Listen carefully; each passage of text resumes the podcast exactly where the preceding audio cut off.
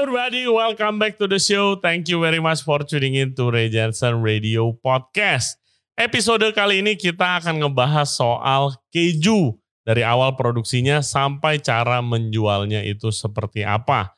Ternyata di Indonesia ada beberapa company yang fokus bikin keju secara artisanal atau artisanal cheese. Apa itu artisanal cheese? Nanti akan kita jelasin di podcast.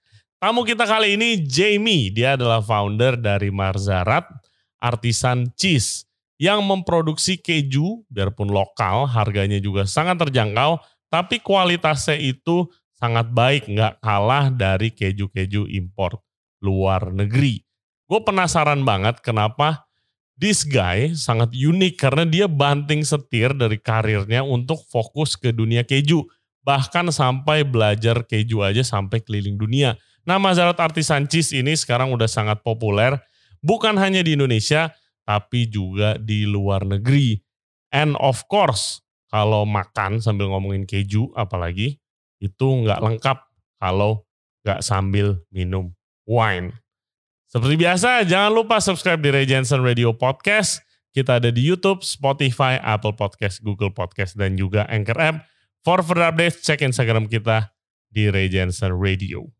Without further ado, please welcome Jamie dari Mazarat Artisan Cheese. Enjoy the show.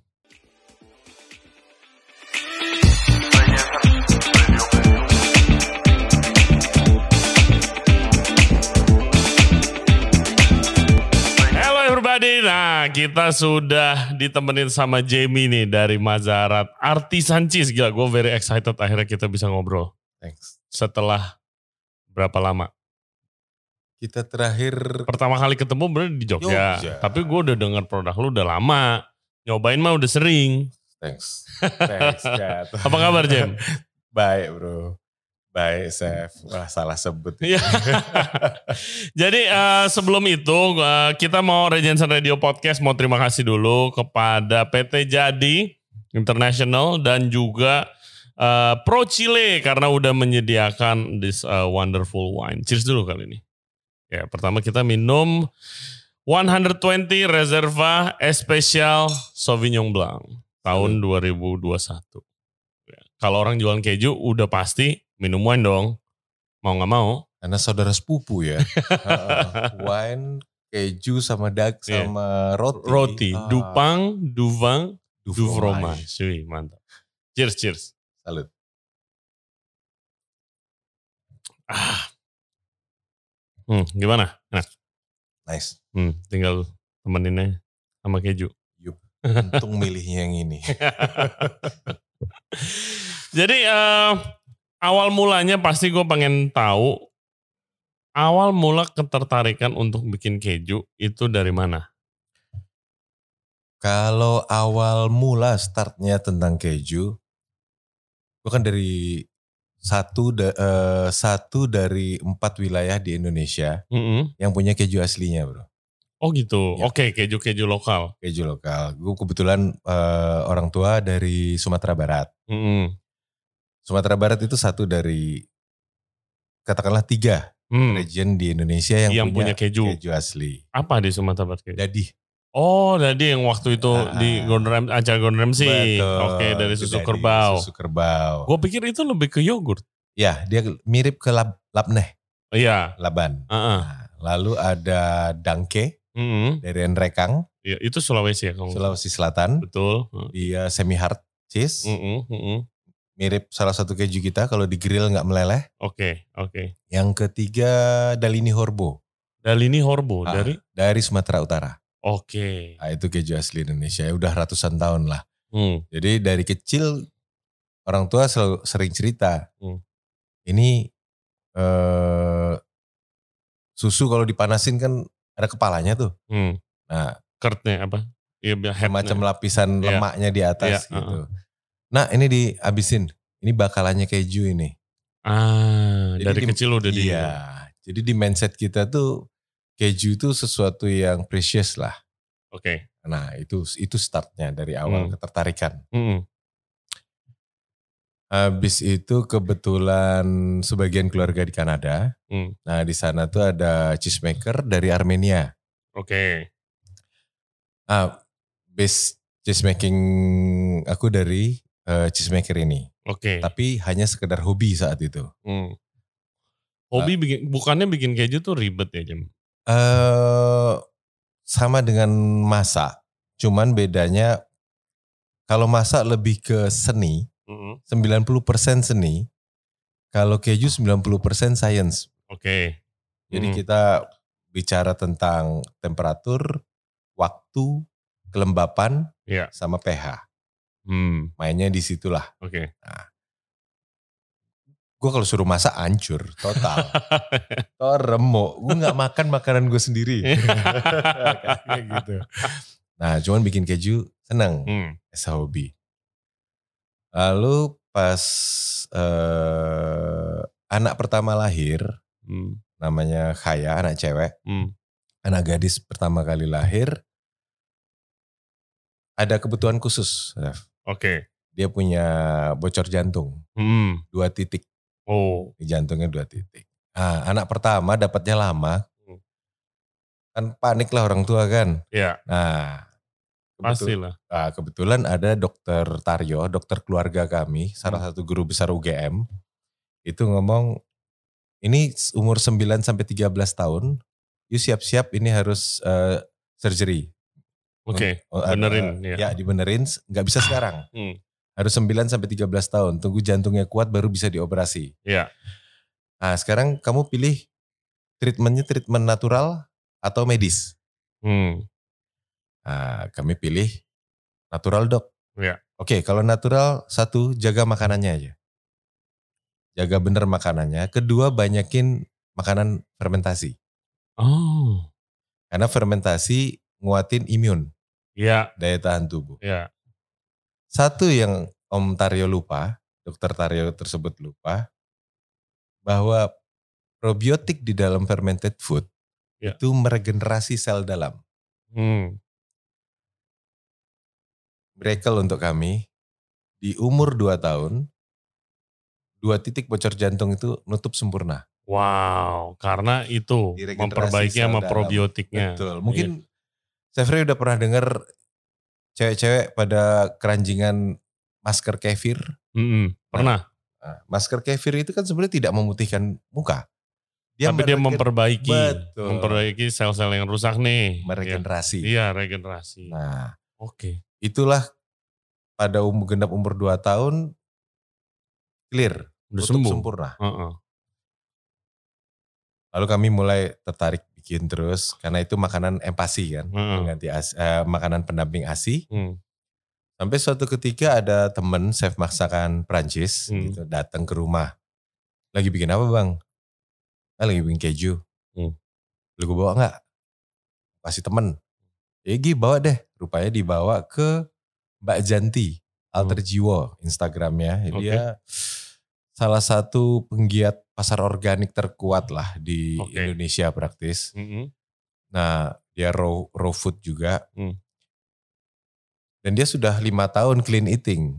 Oke. Kalau kemasukan chemical, malamnya jackpot atau keluar ruam merah-merah. Hmm. Cuman karena si jenis keju yang dibawa saat itu gue bawain halloumi, Mm-mm. dan Mbak Janti ini kangen sama halloumi, ah udahlah jackpot jackpot deh, makan dia keju kita itu. Hmm. Sehari dua hari kok nggak ada Nggak ada efek, efeknya. nggak ada efek, Ah. ditelepon lah kita, Ah. Mas mau nggak jualan di pasar organik Kamisan? Oke. Tiap hari Kamis dari jam 10 pagi sampai jam 1 siang, pop up market chef. Berarti berarti emang keju lu itu tidak pakai chemical sama sekali kah atau iya karena dari kebutuhan anak lu itu dulu ya. Kita bukan niat jualan awalnya, Chef. Hmm, hmm. Kita niat untuk bayi ini nih. Iya. heeh. Apa pun lah kita lakukan untuk yang Hmm. ini. Ya biarpun udah sembuh tapi lanjut Betul. gitu. Hobinya lanjut juga. Lanjut, Oke. hobinya lanjut dan kita menemukan orang-orang yang appreciate terhadap produk itu karena di pasar organik Kamisan, terutama yang kami lihat, mostly orang-orang berkebutuhan khusus. Hmm. Cancer survivor, autis, Ya awalnya dari situ. Iya, Iya. Down syndrome. Jadi, ah udahlah. Kami yang awalnya bisnis IT, Hmm. oke, kita tekunin ini, Oke. Puter haluan. puter haluan. bokap juga udah ngomong, Hmm. lu boleh pindah-pindah kerjaan apa pun juga, tapi begitu titik 40 tahun, Hmm. ah itu terakhir. Iya, stay itu. Kok ya gue pindah-pindah terus sebelumnya. Hmm. Tahu-tahu 40 kok keju. Itu Jadi- awalnya. Udah berapa lama jadi Mazarat? Akhir 2015. Akhir November. 2015. Oke, November berarti udah 2015. tujuh tahun ya. Hampir tujuh Hampir tahun. 7 tahun. Oke, ya reviewnya mah bagus lah. Udah nggak usah diomongin. Sekarang Moga-moga. amazing. Punya eh, bisnisnya lebih ke mana sih? Ke B2C kah atau B2B? Sebelum pandemi, kami selain di pop up market pasar organik, Hmm. itu kami ke food service, Hmm. Ke Oke. Horeca. Oke. 80% market kami Bali. Hmm, iya karena lebih banyak yang ngerti di sana. Benar. Heeh. 20% Jakarta. Hmm. Jogja sedikit. Nah, pada saat pandemi, Bali jatuh nol. Ya karena karena ya kita tahu what happened during the Betul. pandemic. Ya. Dua minggu nih, proses proses adaptasi itu, Hmm. tau kita bingung. Kok end user naik? Hmm. Tinggi banget. Hmm. Oh, mak-mak kejebak di rumah. Iya. Dan mulai memasak kan. Heeh. ya blessing in disguise. eh tidak banyak perubahan di di bisnis kami, Hmm. bahkan kami bisa menjangkau lebih banyak orang. Hmm. Iya blessing banyak banyak blessing sih dari Banyak. pandemi sebenarnya kalau mau usaha ya Betul. gitu itu setuju banget. Nah oke lanjut ini ada selection apa aja nih di eh, seleksi dulu nih Oke, dikasih tahu. kita ini bawain satu bestseller kita ada di Halumi, Zef. Hmm. Oke yang Hal- tadi kita grill. yang kita grill tadi. Hmm. Satu-satunya keju satu-satunya keju kami yang kalau di grill atau digoreng Mm-mm. atau direbus dia nggak meleleh. Oke. Teknik origin tekniknya dari Cyprus. Eh sorry sorry sorry sorry origin te- teknik dari Cyprus. dari Cyprus. Oke. Kalau di Cyprus namanya halumi, kalau di Turki namanya helim, Mm-mm. kalau di Arab namanya halum. Oke.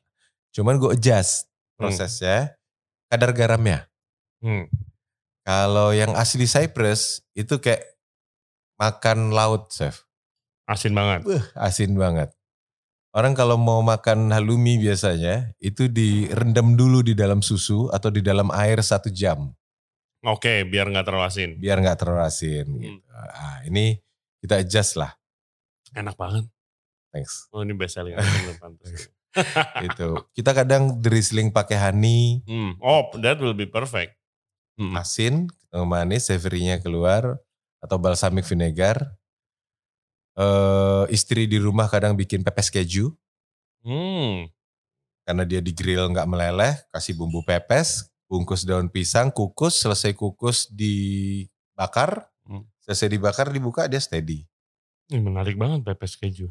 sama Om William dibikin sate rica-rica keju Hmm. potong dadu tusuk sate siram sos rica-rica bakar Aduh, enak banget. turunin, siram sos rica-rica lagi, sajiin. Wih. You name it. Ada pelanggan kita yang bikin vegan burger, dagingnya diganti halumi. Uh. Sorry, vegetarian, vegetarian burger. Iya. Lalu ada yang bikin penyet keju. Jadi keju halumi digoreng, kasih sambal sebelahnya, kasih lalapan. Iya, Ya, you name it lah. iya. Pengen Kayak kayak ngeprek mozzarella tapi nggak pakai ayam berarti. Iya, jadi ini produk pertama lu dan best selling item. Iya. Lanjut ke Yang kedua urutannya kita ada kongtal. kongtol. Ini Ah. keju dari mana asli? Kalau tekniknya Prancis, Mm-mm. eh mirip dengan British cheddar. Oke. Which is? Nih gue bukan ahli keju nih ya. Ada proses namanya proses cheddaring, chef. Mm-mm. Jadi curtnya di, dipecah-pecah lagi, Hmm. kemudian digaramin. Oke. Nah, lalu dibalik, dislabing, dibalik. Hmm. Yang Perancis sama Inggris sampai hari ini masih argue. Siapa niru siapa. Ah, iya Nah, iya. Mereka biarin ribut, bikin sendiri. Iya banyak. gitu. Oke. Lalu yang ketiga ini ada Tom the Merapi. Oke, Tom de Merapi kan Prancis kan ya? Eh, Apa maksudnya Tom itu dari Prancis kan? Ada Tom de Savoie, Tom de apa? Origin tekniknya Tom de Savoie yang ini. Oke. Origin teknik Tom de Savoie. Tom ini nama kejunya. Tom itu jenis keju. Oh, Tom oke. itu keju yang paling jujur lah, Chef. Hmm, Tom, karena Tom itu s- keluarga mountain cheese oke. atau farmer cheese. Jadi setiap negara punya Tomnya. Hmm, Ada Tom de Mark, ada Tom de Savoie dari Prancis, ada Toma Osolana hmm, dari Itali. Nah itu Tom atau Toma itu keju yang paling jujur, yang paling tua, yang paling straightforward. Oke, paling simpel lah gitu ya. Dianggap simpelnya bukan dari teknis ya, Hmm. tapi dianggap dia mengcapture total apa yang ada di daerah di mana dia dibuat. Hmm. Jenis rumputnya membedakan sekali, klimatnya membedakan sekali. Karena ini dibikin di kaki Gunung Merapi, Ya makanya Tom de Merapi. namanya diganti jadi Tom de Merapi. Oh, top, enak. Tom de Merapi. Yang keempat ada Alpine. Hmm. Alpine yang kita bikin ini eh, sekeluarga dengan Gruyère. Oh. Comte, Gruyère, atau Mm-mm. Appenzeller. Hmm, hmm, hmm. Satu, satu family lah. Keju-keju ada tiga keju utama kami. Hmm, Satu kaya, hmm. itu aslinya kerotang du Sauvignon. Oke.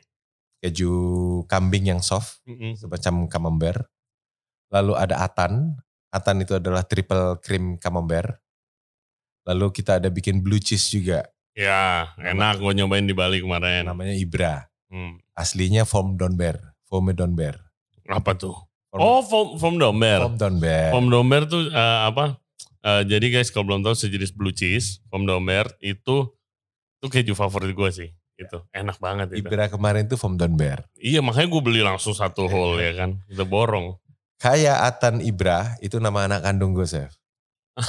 Iya, karena tiga ini, Camembert, Crotang du Sauvignon, dan Foam Donber, itu kena AOC, Hmm. Appellation d'Origine Control. Iya, apa kayak kalau di Indonesia ada indikasi geografisnya. Persis, persis.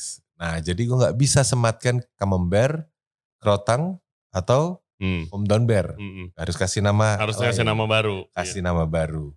Camembert style. Oke. Iya. Mantap. Tom de Merapi ini yang lagi kita upayakan untuk punya indikasi geografi sendiri Hmm. atau protected destination of origin. Iya, kemarin belum lama gue ke apa acaranya Javara Mhm. eh, di The Dharma Wangsa. Terus ada booth-nya gitu indikasi geografis ya. Iya. Gue di sana Eh, nanya. Rice, Iya, Rice Foundation. rice ada ada beras krayan kan udah masuk. Ya, Eh, terus habis itu ada nutmeg, ada biji pala tuh, ada vanila, ada Yup. teh. Tehnya juga menarik, teh dari Jawa juga enak. betul. Heeh. Terus lu belajarnya di mana bikin keju? Dari awal hobi sampai segini kan pasti perlu pembelajaran dong. Dari hobi itu ke eh, komunikasi sama orang yang yang bikin keju Mm-mm. sampai pada saat kita udah mulai komersial, aku pikir kalau cuma basis basicnya hobi. Kayaknya kok nggak serak ya. Hmm. Lalu kita ambil sertifikasi untuk Asia Pasifik. Kebetulan yang megang Asia Pasifik cuman Australia sama New Zealand. Hmm. Aku ambil yang New Zealand di Putaruru di selatan Hamilton. Itu sertifikasi untuk kayak bisa apa? Bisa master, cheese maker, cheese maker, cheese master. oke biar bisa itu ya apa? Kalau itu lu nggak boleh jualan keju gitu. Kalau lu nggak punya Kalau sertifikasi. di New Zealand kalau nggak punya sertifikasi nggak boleh. Oke. Kalau di New Zealand, Mhm. di Australia, di US gitu kalau nggak nggak punya sertifikasi eh, sertifikasi yang diterbitkan oleh asosiasi profesi Hmm. nggak boleh jualan. Hmm. Atau boleh tapi hanya kalangan sendiri, Iya, iya, iya. nggak boleh punya izin edar. Iya brand apa gitu Betul. susah lah. ya. Oke oke. Nah begitu tahun 2018 kita punya angan-angan Chef, pengen masuk ke Singapura. Hmm. Ketemulah beberapa distributor Singapura. Oke. Mereka requestnya standarisasi Uni Eropa. Ah, oke. Nah, berangkatlah aku ke Oven, Di Prancis. Prancis, untuk ujian di sana, ambil sertifikasi untuk Uni Eropa. Nah itu Prosesnya gimana sih? Apa lu kayak ada course-nya dulu berapa ada minggu course gitu? dulu, habis itu ada ujiannya. Berapa berapa lama? Oh dua mingguan, dua mingguan, eh, nggak lama. Tapi habis itu setahun sekali harus store muka ke sana, karena aku registratnya justru cheesemaker Prancis. Hmm, hmm, hmm, hmm. Karena di Indonesia belum ada asosiasi profesi. Iya, iya, masih terlalu sedikit juga dong. Betul. Ini lagi kita usahakan. Oke. Lagi kita usahakan untuk ngumpulin teman-teman yang hobi bikin keju. Yuk kita bikin asosiasi yuk. Hmm, hmm.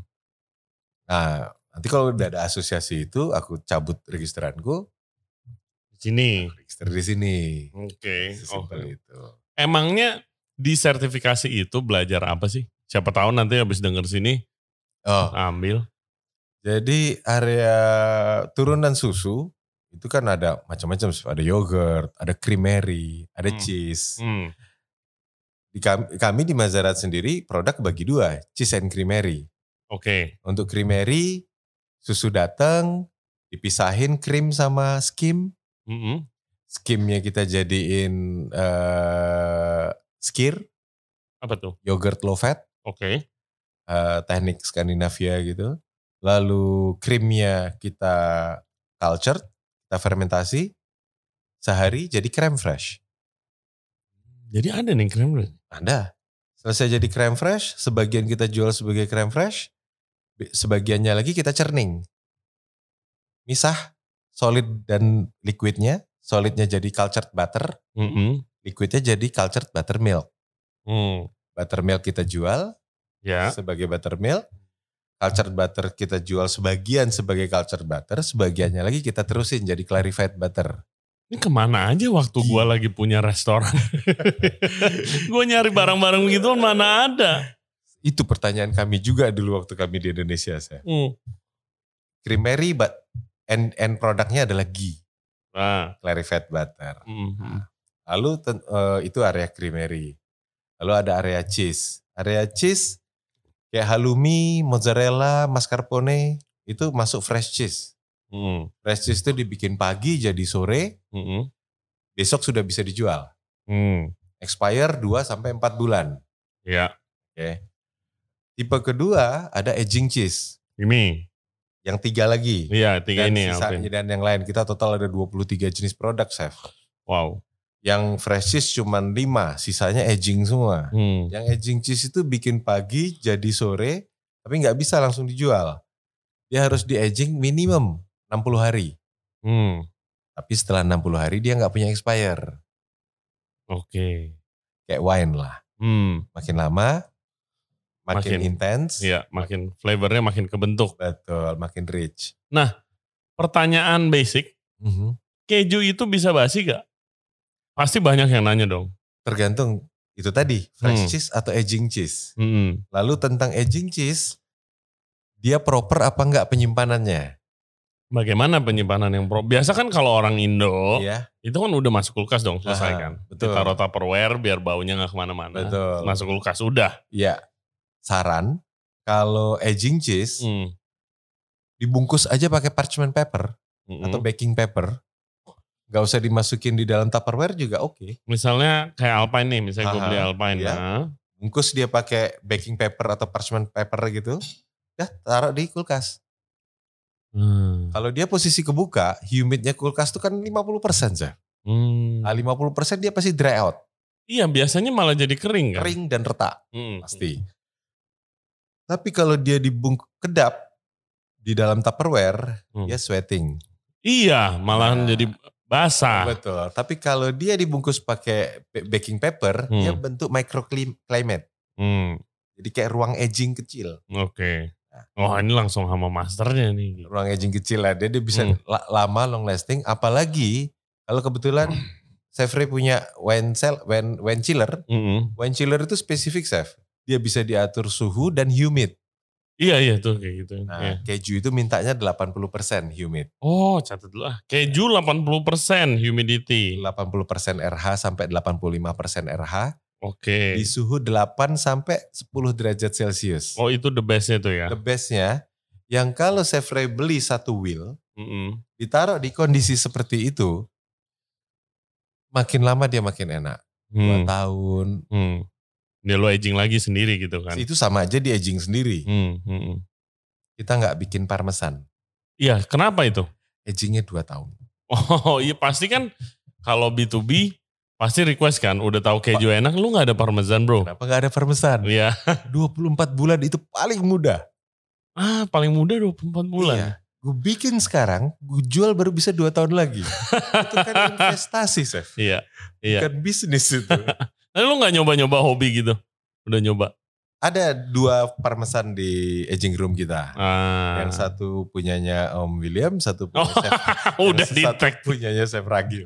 Udah di tag. Udah. Berat saya bikinnya, Chef.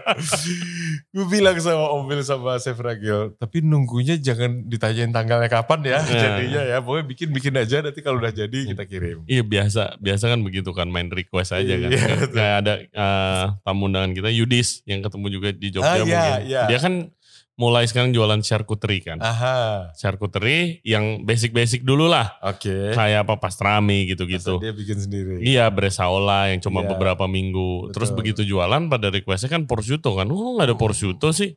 Lu gak tau prosciutto bikin 2 tahun. Iya. Oh itu satu keluarga sama Kasio Kepolo itu dua tahun juga ya. iya.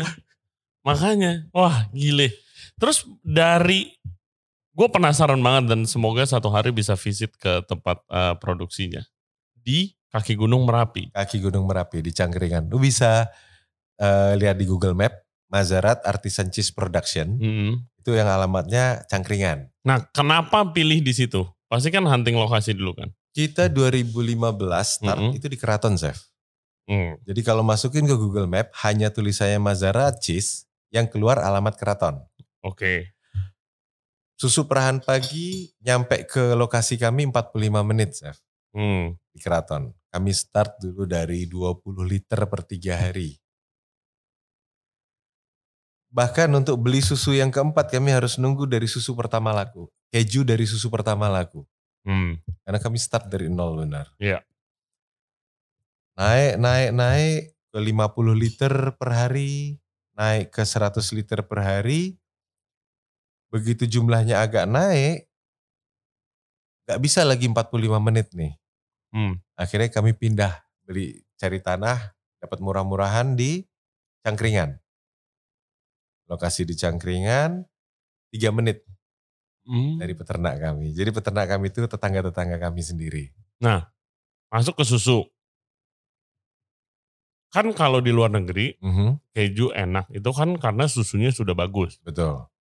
Kenapa susunya bagus? Karena sapi udah makanannya udah bagus, genetik Betul. sapinya juga udah ratusan tahun budaya bikin kejunya. Betul, Kan di sini belum ada. betul, Makanya di sini juga ya lagi rame mentega mahal banget, betul. krim mahal dan seterusnya gitu kan. Emangnya bisa? Bisa dengan catatan effort kami harus lebih besar, Chef. Hmm. Jadi- contoh, boleh kasih contoh. Eh, wine-nya diminum. Oke, Ntar gue, gue tuangin red wine soalnya. siap. Terus dengan kualitas susu di sini gitu, gue penasarannya. Kayak emangnya harus effort apa yang lebih dari lu dan tim lah. Yang umum ya. Mm. Telan dulu ya. Iya, telan, telan, telan, telan, telan. Luar biasa. Gue happy banget akhirnya. Begitu lihat ya, begitu lihat. Soalnya kan jujur nih kan ada brand-brand lain. Eh yang gue justru lebih familiar kan dari dulu gue taunya. Terus gue makan kejunya, em, menurut gue produk Mazarat di atas jauh gitu kualitasnya. Makanya gue happy banget. Wah gila ini udah mirip mirip lah gitu loh sama yang di sono. Memang itu kendala kita, Chef. Hmm. Jadi genetik sapi kita berantakan, Mm-mm. pakannya Ngangon. itu masih mending. Kebanyakan lean on konsentrat, Apa tuh? mengandalkan konsentrat, Oke. makanan pabrikan. Hmm, hmm. Nah, yang itu costnya tinggi dan TC juga nggak nggak nggak standar lah. Hmm. Sehingga kami harus betul-betul jagain proses itu seketat mungkin. Yang itu pun juga nggak cukup. Kami harus harus cukup harus harus menyesuaikan dengan kondisi betul. Kondisi si raw milk. Beda dengan industrial, Chef. Industrial susunya distandarisasi, Iya. di-adjust. Susunya yang di-adjust karena mesinnya mesin otomatis. Hmm. Mesin otomatis kan nggak bisa di-adjust.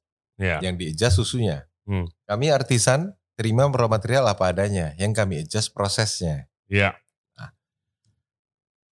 Untungnya Indonesia punya banyak eh, herbs, Herbs. Ya.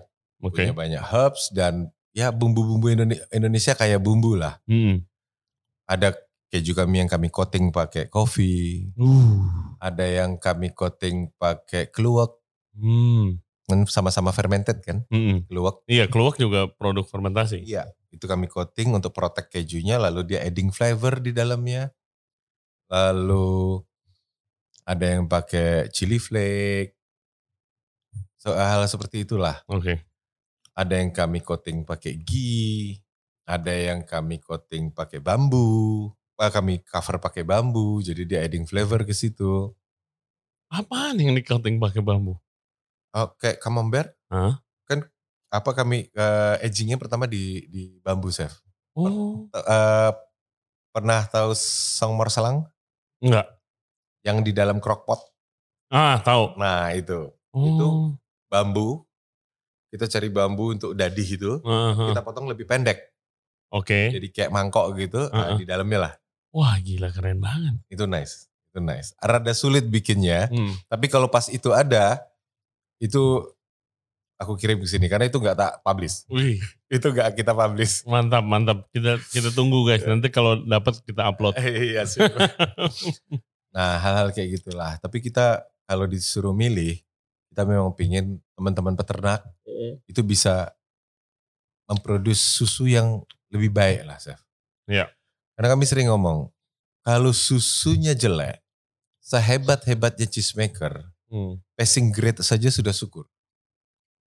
Hmm. Tapi kalau susunya bagus, segoblok-gobloknya cheesemaker tetap enak. Iya. Iya, dari raw materialnya dulu. Raw material, Chef. Itu kenapa, Tapi lu selalu konstan komunikasi dong kadang-kadang sama itunya, ya kita farmernya. kan? Ya, oh bukan komunikasi lagi. Mau nggak mau kamu kami supervisi, Chef. Hmm. Kami supervisi. Kami beli susunya lebih mahal. Oke. Peternak jual ke koperasi, koperasi jual ke agent, agent jual ke end user, harganya masih lebih murah daripada kami beli ke peternak langsung. Ah, karena lu supervisi eh, mungkin cara mereka Salah satu cara kami untuk mem- me- me- mengedukasi mereka untuk menghasilkan susu yang bagus adalah willing to pay more. oke. Kalau itu kita oke, mereka happy. Iya, iya sebenarnya kan gitu simpel kan. Betul. Iya, petani kan ya kadang-kadang tuh kalau ngomongin soal itu ya selalu gue jelasinnya kayak mungkin dulu petani ada yang emang me- apa pakem mau kualitas lebih bagus. Mhm, Tapi dari zaman dulu kalau kualitas lebih bagus aja nggak dihargain ya ngapain Betul. gitu kan. Betul. Iya, iya. Yang kualitas jelek, monggo monggo disuplai untuk hal-hal lain. Mm-mm. Tapi untuk cheese milk, kita butuh yang terbaik. Kita bisa beli lebih mahal. Dan kita, toh rantainya pendek, Chef. Hmm. Peternak kami, kami jual langsung ke end user. Hmm. Jadi ya cuma tiga titik ini. Hmm. Nggak, nggak berbelit harus lewat berapa Iya. steps, eh, step gitu kan. Jadi masih bisa lah kami sharing lebih banyak ke teman-teman peternak dengan harapan itu tadi. Kalau suatu saat mereka akan bisa ganti genetik sapinya, Hmm. punya effort untuk R&D, pakan sapinya, ya Hmm. hal-hal seperti itu. Gile. Must be a fun job for you. Kayak lu pasti passionate banget soal keju ini. Dan produk fermentasi lainnya juga kan. Iya, kebetulan aku dan istri sama. Hmm. Istri istri bahkan aku sering ngomong, aku tuh salah nikah. aku menikahi NGO, Chef. Heeh. Hum- terlalu humanis istriku. Kalau aku aku masih ada sisi sisi sisi namanya ego laki-laki pengen Hmm. bisnis jadi lebih berkembang, Hmm. jadi pengen lebih besar gitu. Yes. Nah, Sisi kapitalisnya. Sisi ada. kapitalisnya ada. Lalu mulai ah udah eh, yang penting raw material banyak, volume banyak, Hmm. yang penting bisa scale up lebih besar lagi. Ah, istri yang kebetulan kemudian menolak. Enggak. Kalau kita ambil raw material yang asal Hmm. Seperti industrial yang lain, existing market kita yang berkebutuhan khusus ini siapa yang mau ngurusin? Oh yang dari awal. Yang dari awal. Iya, iya. Kami pernah ada interview, Chef. Dari orang mau bikin buku segala. Hmm. Mereka tanya, siapa pelanggan kalian yang paling kalian ingat?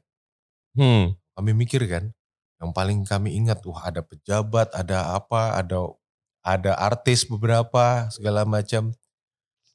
Tapi begitu kami pikir-pikir, yang paling kami ingat, yang paling berkesan untuk kami, itu adalah pelanggan yang kami nggak tahu namanya siapa, yang selalu tepuk tangan kalau kami datang ke pasar organik untuk jualan. Kami datang, mobil kami baru datang, mereka udah ye datang. Yang orang-orang itu nggak punya pilihan, Zef. Iya.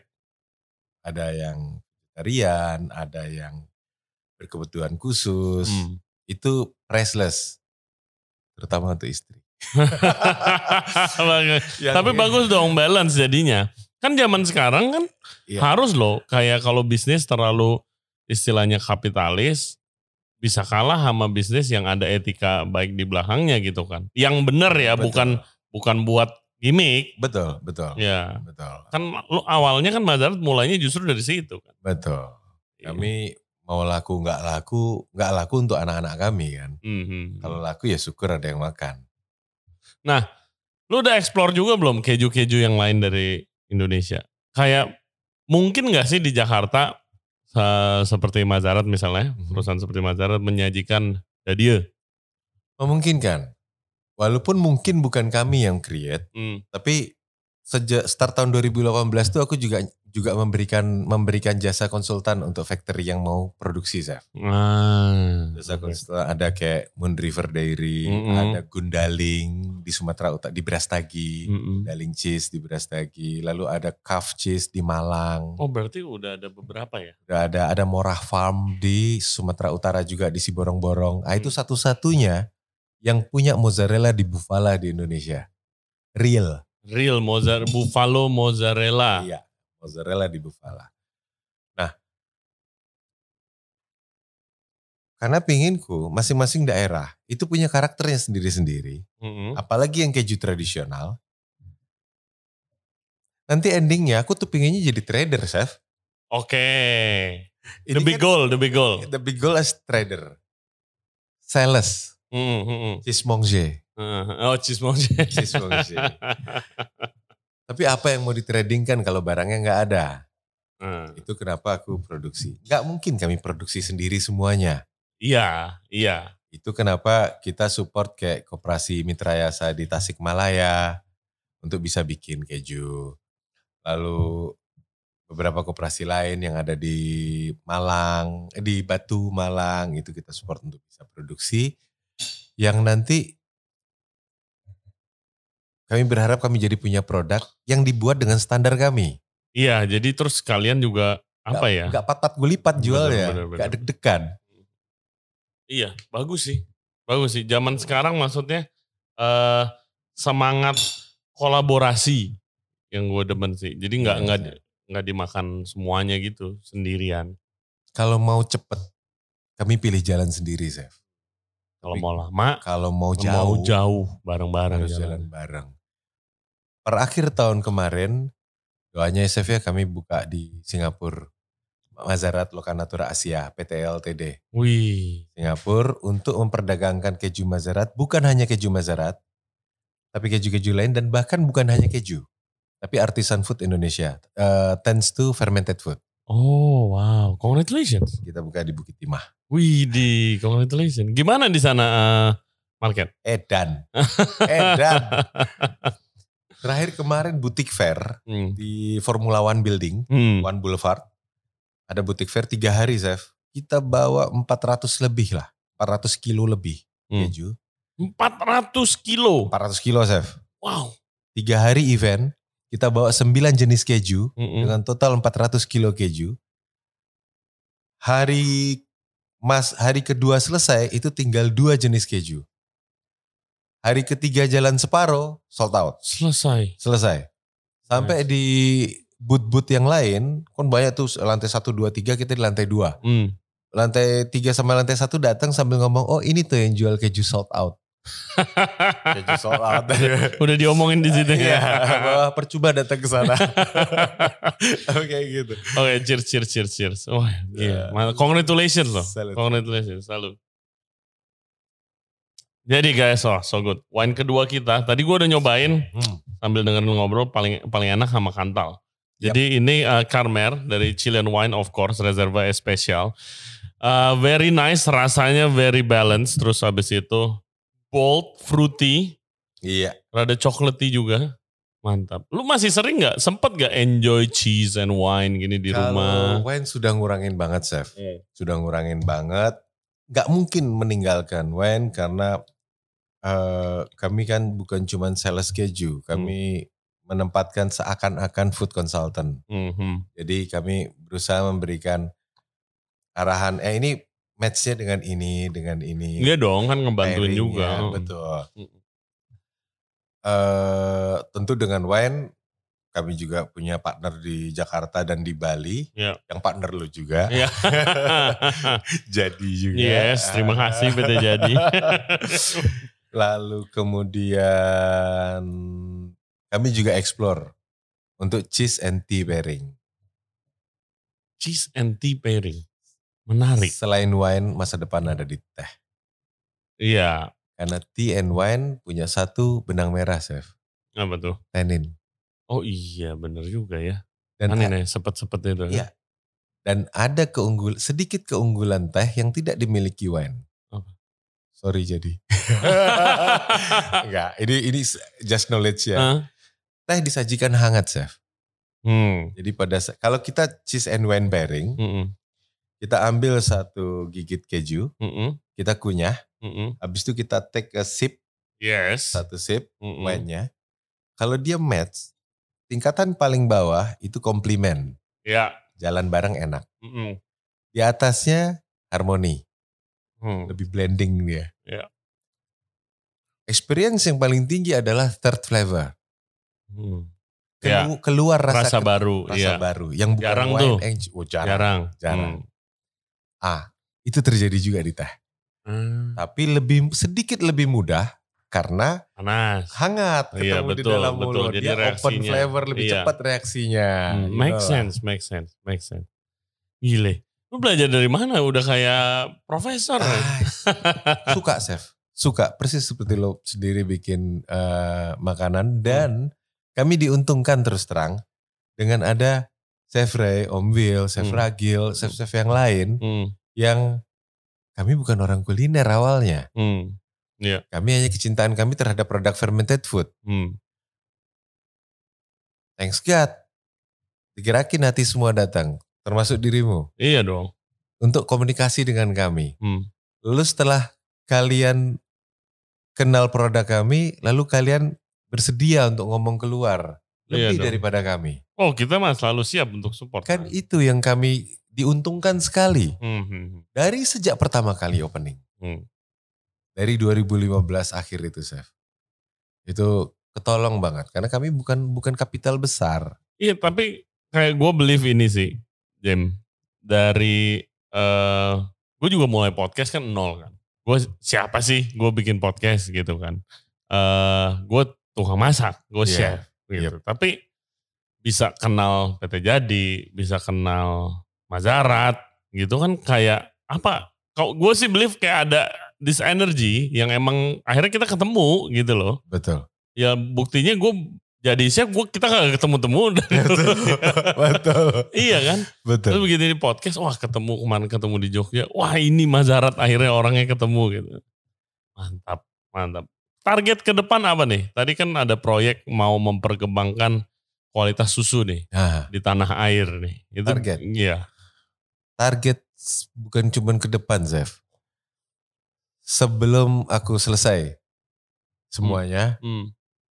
keju Indonesia akan jadi salah satu pemain terkuat di Asia Selatan. Oh, Keju amin. Indonesia. Amin. Amin. Karena aku masih hidup saat itu. nah, proyeknya gimana di Indonesia Timur? Jadi eh, kebetulan aku juga konsultan untuk eh, Kementerian Koperasi, Hmm, kita juga disupport oleh Kementerian Perindustrian hmm. untuk punya visi yang sama. Yuk kita ngembangin lini lini dairy produk Indonesia. Karena Indonesia dairy needs-nya, consumption-nya sangat besar. Sangat besar dengan 260 juta penduduk. Zef. Iya. Itu aja kalau di total konsumsi dairy produk kita cuman sepertiga Malaysia yang penduduknya cuma 36 juta. Ah, Indonesia plus Malaysia plus Singapura plus Brunei plus Filipina dijadikan satu hmm, itu baru sama dengan Korea Selatan atau China. Oke. Korea Selatan plus China plus lima negara ASEAN ini diakumulasi jadi satu baru sama dengan Jepang. Wow. Oke, kalau begitu gue make sense, make sense nih ah, kejadian-kejadian di bisnis dairy. Ya. Itu dia. Oke, oke. Dan Indonesia yang punya kesempatan untuk itu, Chef. Singapura nggak punya lahan. Iya. Malaysia alahan sedikit. Hmm. Cheese maker cuma satu. Itu pun orang Sunda. Merit sama orang Pakistan. Oke. Yang lainnya mana? Ya. Rekanan apa teman kita yang cheese di Bali, Hmm. basic Perth. Hmm. Iya, biasanya eh, expat. Nah. Iya. Ada yang orang orang Australia, ada yang orang Indonesia, Hmm. eh, standarisasi Australia. Aku satu dari tiga yang standarisasi Uni Eropa Hmm. di Asia. Oke. Kalau Jepang nggak dihitung, Hmm. Iya, kalau di Jepang mungkin banyak ya. banyak. Oke. Jepang banyak. Nah, terus apa yang harus kita? Step-stepnya nih, idealnya. Aku berani ngomong kayak gini. Sebenarnya kan untuk mancing, yuk siapa nih yang mau jalan bareng? Hmm. Government sudah ada. Hmm. Sedikit banyaknya dukungan mereka, kita bisa lihat. Teman-teman kuliner ada. Ya. Lahan kita ada, peternak kita suffer. Hmm. Iya, selalu yang belum kesentuh dari menurut saya dari kayak ini sosial media gitu segala macam kan banyak nih bantu kayak PR atau Betul. bantu movement lah. Tapi yang di kayak produser pertamanya nih raw materialnya belum kesentuh nih gitu. Jadi emang harus kita yang menggunakan produk mereka harus do Please. something Please. gitu. Karena nggak ada keju kalau nggak ada susu. Nggak ada susu kalau nggak ada sapi, nggak ada sapi kalau nggak ada lahan pakan, Chef. Iya. Hulunya ini Hmm. sampai hilirnya, yuk jalan bareng nggak mungkin kami sendiri semua ya. Betul. Nah, kalau di luar buat bayangan eh, Mhm. listener kita aja nih, itu emang idealnya gimana? Kalau misalnya pakan sapi yang pas, apakah grass fed? Grass fed the best. Oke, Free di rumput. Rumputnya juga harus kualitas bagus tuh kan? Iya. Gue punya abang di New Zealand, Hmm, peternak Indonesia, hmm. 3.500 sapinya. Oh, Lahannya 950 hektar. wow. Karyawan cuma 10. Oke. 10-10-nya orang Indonesia. Susunya 40 ton sehari. Pasti enak banget tuh. Wah the best chef. Hmm. Aku datang gitu Jim, mangap Jim. Diambilin toketnya sapi. mangap loh. Cit gitu. Wah kental banget. Enak banget. Creamy gitu. Cuman satu rumputnya chef, raygrass. Gak kasih makan konsentrat, gak ada makan apa-apa. rumputnya gitu kan. Rumput. Iya, jadi lu lu ngerawat rumputnya aja gitu. Rawat rumputnya aja. Jenis rumput itu memang gak ada di Indonesia. Regras. Raygrass. Oke. Ray- Hmm. itu cuman bisa tumbuh di New Zealand atau yang lintangnya sama dengan New Zealand. Hmm. Kita lucunya di Indonesia kasih makan rumput gajah. Mm-mm. Sampai Bang Reza tuh sempat ngomong tuh, gue bingung itu di Indonesia dikasih makan rumput gajah. Sapi hidup aja udah syukur itu. Air, rumputnya gede, tapi Hmm. isinya air. Iya. Oke kita kalah di rumput. Tapi hijauan kita 400, Hmm. endemic lokal. Iya. Pasti ada dong, ya kan? Dan lebih kaya kita. Hmm, jauh. Antibiotik pakai kelor, Hmm. pakai binahong. Hmm. Untuk fiber kita punya sorghum. Hmm. Untuk protein kita punya indigo vera, you name it lah. Iya. Tinggal R&D-nya aja. R&D dimasakkan ada di chef. Hmm. R&D keju ada di fromage. Hmm. R&D Pakan sapi ternak, sama iya. pakan ternak nih. Iya. Yo yo yo yo yo. Iya betul betul. R&D pakan ternak ya. Iya, iya. Temen gue tuh ada, tapi dia ayam mainnya sih. Waktu Oke. itu dia lagi eksperimen mau buka gitu. Aha. Tapi biayanya terlalu besar. Dia bilang kan soal untuk R&D-nya gitu. Ya butuh support juga sih dia. Butuh support, Chef. Mm. Karena R&D itu melakukan sesuatu yang belum tentu. Iya kan? Iya. Research. Tapi tidak ada satupun bisnis yang long lasting kalau tidak berbasic Hmm. R&D. Betul. Betul. Gila. Kita sih enak ya, R&D tinggal susu udah jadi ya. Apalagi makanan. Waduh, menarik banget. Apa lu masih suka jalan-jalan nginter-nginter lagi untuk eksperimen? Ma- Masih suka. Hmm. Eh, lebih banyak di Indo selama pandemi ini. Mm-mm. Sebelumnya lebih lebih sering di luar, tapi begitu pandemi lebih banyak di Indo, malah jadi lebih banyak yang bisa dieksplor. Iya, potensinya kan masih besar banget. Banget. Indonesia Timur, Chef. Mm-mm. Cuman di Indonesia Timur kita bisa grass feeding. Free range kalau perlu. Iya. Grass, iya grass feed gitu ya. Grass feed, Rencana ke depan. free range. Iya. Tapi ganti sapi dulu lah. Hmm. Moga-moga nih, nanti jinx kalau gue ngomong. Hmm. Tapi moga-moga kalau lu ada waktu ke Jogja besok, kita nggak spill dulu, tapi ada ada sesuatu yang baru yang bisa kita lihat, yang Hmm. harapannya bisa jadi masa depan untuk genetik sapi Indonesia. Ah, Kita lihat besok. Oke, amin, amin, amin. Ya semoga. Emang tunggu diundang sebenarnya kita. Should be. Eh, awal tahun kita memang ada rencana Hmm. undang teman-teman kuliner Mm-mm. dan media Oke. untuk open house pertama kali. Nah, ngumpulin semua, kita todong chef-chef untuk masak, hmm, kita todong media untuk Iya. ngeliput chef-chef masak. Oke, oke. Wah, ditunggu, ditunggu banget. Jim. Thank you banget buat buat ini, buat eh, expertise ya dan ceritanya. Semoga nih ada yang denger nanti nih mulai R&D pakan ternak atau Iya, gimana gitu bisa reach out to you mungkin kontekan. Mau kontak lu di mana? bisa Instagram? via Instagram, Mm-mm. Mazarat Artisan Cheese, atau di Google ada, Nah, mau pesen juga di situ. pesen juga di situ. Pesen di Instagram Mazarat Instagram bisa banget. Artisan Cheese. Oke, thank you buat Mazarat Artisan Cheese. Semoga sukses untuk proyek-proyek ke depannya. Makasih banget saya. Dan juga terima kasih of course untuk supporter kita yang dari lama. Supporter kita bukan gua doang. Iya, PT betul. Jadi. Yes. Dan, dan untuk Chilean wine nih very amazing dan it pairs really well with uh, Mazarat Artisan Cheese. Jadi buat yang dengerin dan penasaran rasanya langsung pesan di PT Jadi dan juga bisa pesan langsung ke Jamie di uh, Mazarat Artisan Cheese. Tunggu juga uh, Mazarat tuh suka kadang-kadang buka booth ada acara di Jakarta Iya. atau di kota-kota lainnya bisa stay tune di Instagram mereka. Thank you very much for watching the episode today.